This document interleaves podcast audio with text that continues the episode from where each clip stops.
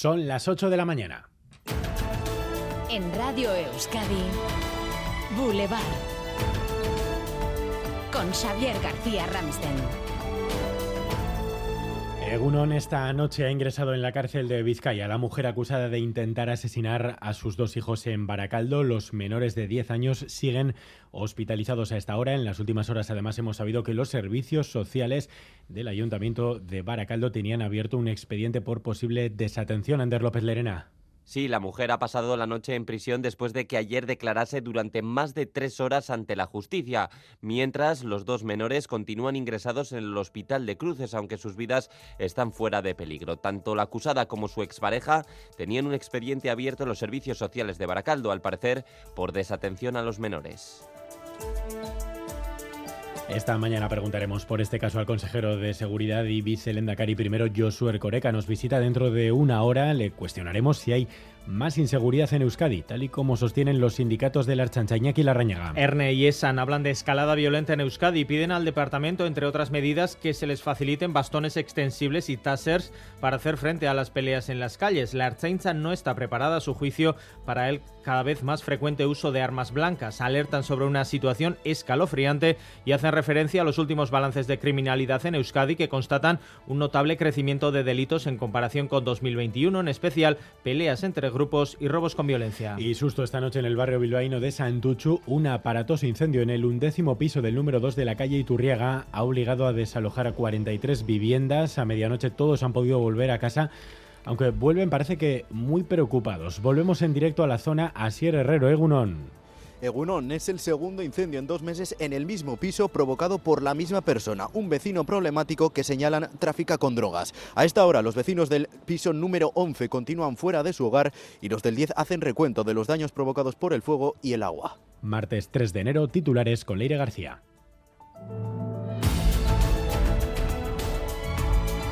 Esta mañana vamos a conocer el dato del paro correspondiente al mes de diciembre y el balance del año 2022. En Euskadi los últimos datos del mes de noviembre se situaban en torno al 8%, el nivel más bajo de los últimos 14 años y con datos positivos sobre afiliación. En Navarra tasa en torno al 9%. Se hará balance además sobre los efectos de la nueva reforma laboral. 2022 que ha finalizado además con un importante descenso en la venta de coches. Un 11% menos que el año anterior en Euskadi. En Navarra el porcentaje supera el 12%, la cifra más baja en los últimos 20 años. Entre diferentes eh, factores, las patronales lo achacan a la ausencia de semiconductores los, o los problemas de transporte. El Ayuntamiento de Baracaldo estudia la posibilidad de recurrir la sentencia que considera que no son obligatorios los perfiles de euskera en los servicios subrogados. El Tribunal Superior de Justicia del País Vasco señala que las administraciones locales no pueden exigir los mismos niveles que se piden al personal funcionario a las subcontratas que prestan servicios para los entes municipales. En el Vaticano ya se ha abierto por segundo día consecutivo la capilla ardiente de Benedicto XVI. Ayer se superaron las previsiones iniciales con más de 65.000 asistentes. El jueves el Papa Francisco oficiará el funeral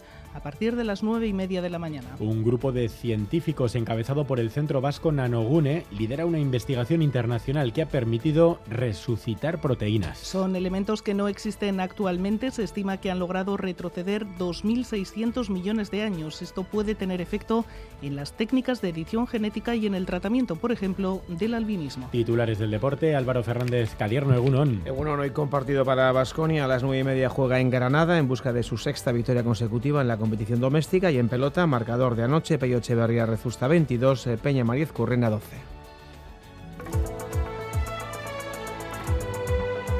Boulevard. El tiempo.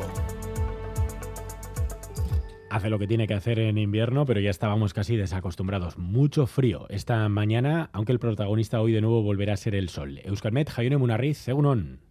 Caixo Unón, comenzamos la jornada con un ambiente frío, sobre todo en el interior, incluso con heladas en algunas zonas de Álava y Navarra. Además del frío, de madrugada se han formado algunos eh, bancos de niebla, sobre todo en la llanada alavesa, y también tenemos algunas eh, nubes, especialmente en el norte, sobre todo en Guipúzcoa y norte de Navarra. Una nubosidad, eso sí, que se irá disipando a lo largo de la mañana y a partir del mediodía va a lucir el sol en todo el territorio.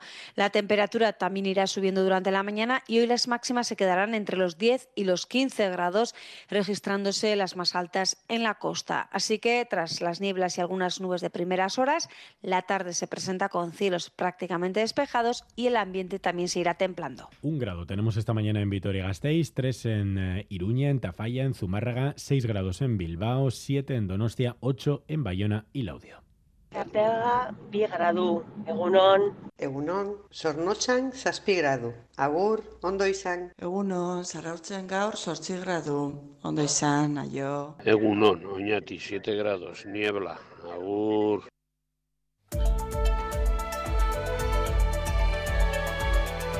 Boulevard. Tráfico. Sin problemas hasta ahora en las carreteras, según nos informa el Departamento de Seguridad del Gobierno Vasco. Ayúdanos a mejorar nuestra información con tus comentarios, fotos y vídeos. Envíalos al WhatsApp de Radio Euskadi 688 840 840.